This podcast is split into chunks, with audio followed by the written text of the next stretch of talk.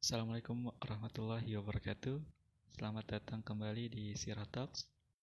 Di episode kali ini kita masih membahas terkait Ramadan dan para sahabat, tapi mencoba mulai dari uh, ayat dari surat Al-Baqarah yang sering kali kita dengar, sering kali para ustadz-ustadz membacanya ketika menyampaikan tausiah-tausiah Ramadan gitu kan.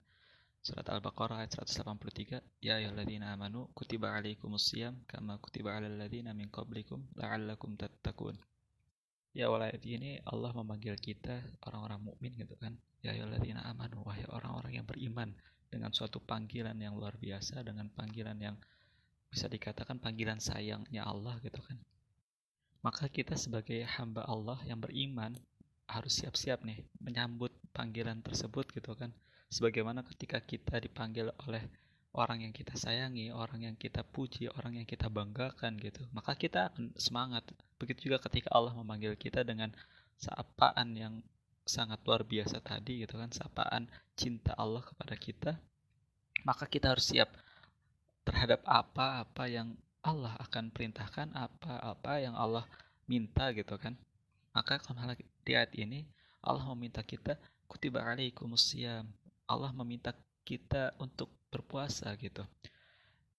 Kalau ngomongin kutiba gitu kan, diwajibkan, maka di benak mungkin ada beberapa orang gitu akan membayangkan ini adalah suatu hal yang berat gitu, tidak mudah, tidak ringan gitu kan. Maka di awal ayat tadi gitu, Allah memulainya dengan ya ayyuhalladzina amanu, wahai orang-orang beriman. Maka bisa dikatakan perintah ini karena berat tadi kan yang akan bisa memikulnya, yang akan bisa melakukannya adalah orang-orang yang mempunyai keimanan, orang-orang yang punya tekad kuat dengan keimanannya itu gitu.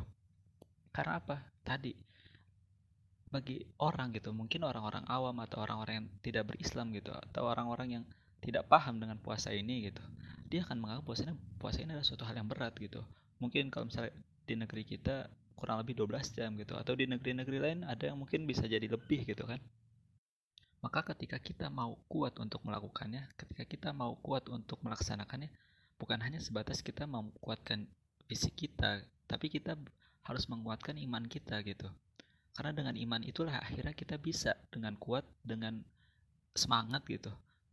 Untuk bisa melakukan amalan ini tanpa adanya rasa kecewa atau tanpa ada rasanya males atau tanpa ada rasanya beban gitu. Kenapa tadi?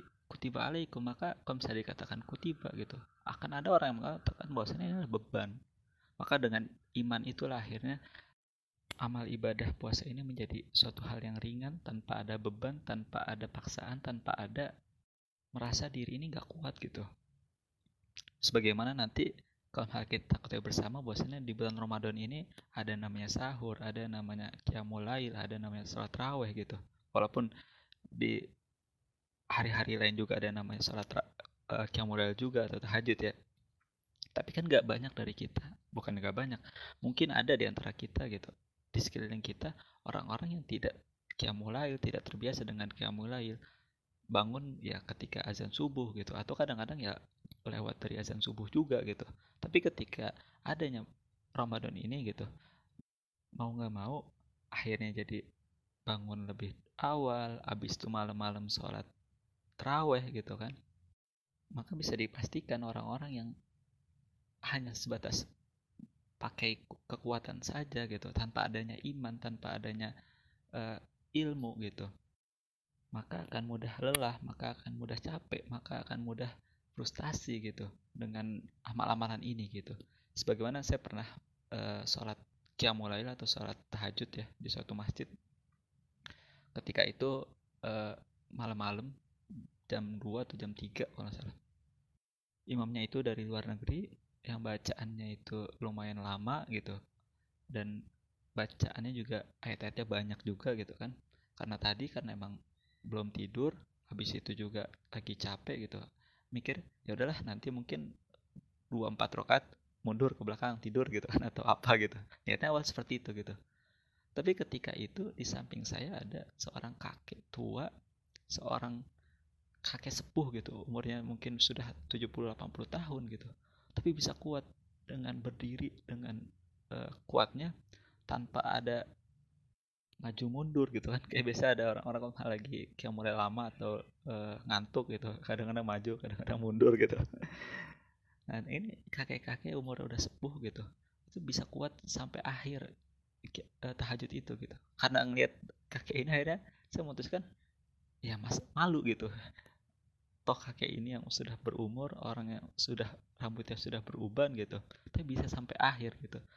Masa saya yang umurnya masih jauh lebih muda dibanding kakek ini tidak kuat gitu kan? Dan yang lebih luar biasa adalah bagaimana ketika pulang ketika mau pulang ini kakek nih itu dibawa pos sama anaknya atau mungkin man, cucunya gitu ya artinya ketika dia jalan ketika dia ke mana-mana nggak kuat gitu jalan sendiri. Mungkin bisa jadi pakai tongkat juga bisa jadi pakai bangku gitu. Tapi ketika sholat kiamul kakek ini kuat berdiri gitu. Maka alasan apa lagi yang bisa menjadikan kakek ini kuat untuk berdiri kecuali karena keimanan gitu? Kalau secara fisik ya jauh lagi lebih kuat kita gitu kan sebagai anak-anak muda gitu lebih kuat kita eh, sebagai orang yang Allah berikan kesehatan gitu kan. Yang ke mana-mana bisa sendiri ke mana-mana bisa tanpa bantuan orang gitu. Tapi kakek ini gitu akhirnya karena keimanan yang kuat karena keimanan yang kokoh gitu akhirnya bisa melakukan kiamulail ini tanpa tanpa merasa lelah tanpa merasa capek. Ini menjadi pelajaran penting bagi saya gitu. Bahwasannya ya amal-amalan nanti. Mungkin tadi bisa jadi uh, puasanya bisa jadi kiamulailnya atau terawihnya atau nanti sahurnya gitu. Karena keimanan itu akhirnya jadi mudah. Karena keimanan itu akhirnya kita jadi bisa diberikan kekuatan yang bisa jadi tanpa kita pikirkan gitu tanpa kok kayaknya nggak masuk akal gitu kok bisa ya kuat ya? Kok bisa ya uh, kita ngelakuin itu gitu? Padahal di saat yang sama di saat yang bersamaan gitu kalau misalnya kita lihat gitu kadang-kadang kalau misalnya ada imam lama gitu yang biasa suka protes yang bisa biasa suka ngeluh itu malah anak-anak muda gitu. Anak-anak yang punya kekuatan fisik yang baik gitu.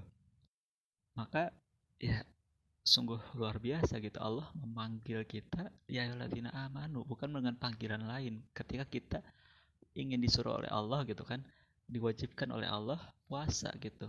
Karena puasa ini ya tadi tidak mudah mungkin bagi banyak orang gitu. Tapi karena keimanan itu akhirnya kita jadi kuat. Kita jadi bisa melakukannya dengan sepenuh hati. Kita bisa melakukannya dengan maksimal gitu. Kalau kita lihat sahabat pun ketika dulu gitu ada namanya Abdullah bin Zubair ada namanya Sa'ad bin Jubair ada namanya Sabit Al-Banani.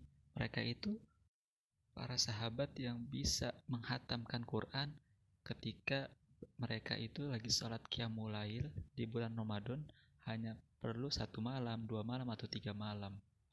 Itu kan luar biasa mereka gitu. Kenapa mereka bisa seperti itu? Ya karena keimanan mereka kuat. Keimanan mereka itu kokoh gitu. Bagaimana kalau misalnya kita lihat dalam cerita-cerita lain gitu. Ada namanya perang Badar. Perang Badar ini terjadi ketika lagi puasa. Bayangin, lagi perang, puasa, orang mungkin bisa jadi ya Allah, ya Rasulullah, kenapa nggak minta izin sama Allah gitu kan? Kita nggak usah puasa dulu lah. Ini lagi perang gitu kan, berat ya Rasulullah, nggak ringan gitu. Tapi karena keimanan mereka karena kekuatan uh, tekad mereka gitu kan. Akhirnya mereka puasa mereka juga perang dan mereka diberikan oleh Allah kemenangan. Kepada ayat yang tadi gitu kan. Kama kutiba alal ladzina min qablikum. Sebagaimana telah Allah wajibkan juga ini perintah puasa ini kepada pendahulu-pendahulu kalian gitu. Ini menjadi kabar bahagia bagi kita bahwasanya orang-orang dulu sebelum kita, sebelum para sahabat gitu, mereka juga pernah mendapatkan perintah ini gitu. Akan menjadi ringan gitu. Ketika kita tahu oh dulu juga pernah ada gitu. Berbeda ketika perintah ini baru gitu. Maka ketika perintah ini baru kita akan merasa ya maklum lah gitu. Kalau kita nggak kuat maklum lah kalau misalnya kita lemah maklum lah kalau misalnya kita capek gitu. Tapi kalau misalnya kita lihat dulu bisa kok para uh, para anbiya terdahulu gitu umat-umat para anbiya terdahulu maka kita sebagai penerusnya akhirnya mau nggak mau harus lebih kuat gitu. Karena ini udah diperintahkan juga sebelum kita gitu. Ketika kita tahu yang diperintahkan itu bukan kita ya kita akan jadi ringan gitu. Beda ketika tadi kita cuma sendirian doang yang diperintah dulu-dulu kagak pernah gitu. Akhirnya ya tadi akhirnya banyak alasan-alasan yang menjadikan kita menjadi malas menjadikan kita lalai gitu. Maka ketika kita merasa kok kayaknya berat kok kayaknya uh, susah gitu puasa ini gitu kan memberatkan kita coba cek lagi keimanan kita coba cek lagi kedekatan kita dengan Allah. Bisa jadi kelemahan-kelemahan tadi datang ya karena kita imannya lemah jauh dari Allah gitu. Akhirnya ketika kita mendapatkan kewajiban puasa ini kita merasa lemah kita merasa capek kita ngerasa banyak sekali alasan yang akhirnya menjadikan kita tidak bisa maksimal di bulan Ramadan ini gitu tapi yang lebih menarik lagi adalah ketika ayat ini ditutup dengan la'allakum tattaqun agar kalian itu gitu dari puasa ini dari dari sekolah Ramadan ini kalian menjadi orang-orang yang bertakwa. Takwa ini adalah tingkatan tertinggi manusia di hadapan Allah, di hadapan Tuhannya gitu. Inna akramakum indallahi atqakum. Bahwasanya setinggi-tingginya tingkatan semulia-mulianya tingkatan di sisi Allah adalah orang-orang yang bertakwa. Maka ketika kita bisa berhasil di sekolah Ramadan ini, kita bisa memaksimalkan Ramadan ini, akhirnya kita bisa menjadi hamba, bisa menjadi seorang yang bertakwa, yang kita bisa mendapatkan tingkatan di sisi Allah yang paling tinggi, yang paling mulia, yang paling keren gitu. Masa iya kita mau menyanyiakan itu semua gitu? Kita mau sekolah kita nggak maksimal, sekolah Ramadan ini kita nggak maksimal, akhirnya kita tidak bisa mendapatkan derajat takwa itu gitu. Kita akan merasa rugi, akan merasa uh, sedih gitu ketika tahu bahwasanya kita tidak bisa mendapatkan derajat tertinggi itu dilanjutkan di ayat selanjutnya adalah ayah ma'dudat ini hanya hari-hari sedikit gitu. Ini bisa jadi pelajaran bagi orang-orang yang masih baru belajar gitu kan orang-orang yang baru mulai puasa gitu. Ini gambaran kabar bahagia dari Allah gitu kan. Bahwasanya kamu itu puasa yang gak lama-lama cuma berapa hari doang kok. Hitung kok. Ketika kita masih baru akhirnya kita ngerasa oh iya cuma berapa hari doang kok. Gak berapa bulan gak berapa tahun gitu kan. Itu kan jadi akhirnya jadi ringan bayangin kalau misalnya diet itu adalah berapa bulan berapa tahun waduh. Tadi karena ini adalah satu kewajiban gitu kan.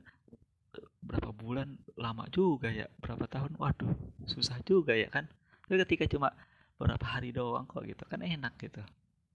Tapi ini juga sebagai peringatan bagi kita gitu kan sebagai orang-orang yang beriman bahwasannya sekolah Ramadan ini gak lama sekolah Ramadan yang bisa menjadikan kita mendapatkan titel takwa yang punya tingkatan terbaik di sisi Allah ini gak lama gitu. Maka kita jangan sampai menyanyiakan hari-hari yang gak lama ini gitu. Kita harus maksimal. Sebagaimana ketika kita tahu kita pengen beli suatu hal gitu dan di situ ada diskon dikasih waktu cuma lima hari atau 10 hari gitu. Maka kita akan maksimalkan dalam lima hari atau 10 hari itu untuk bisa membeli barang yang kita inginkan tadi gitu.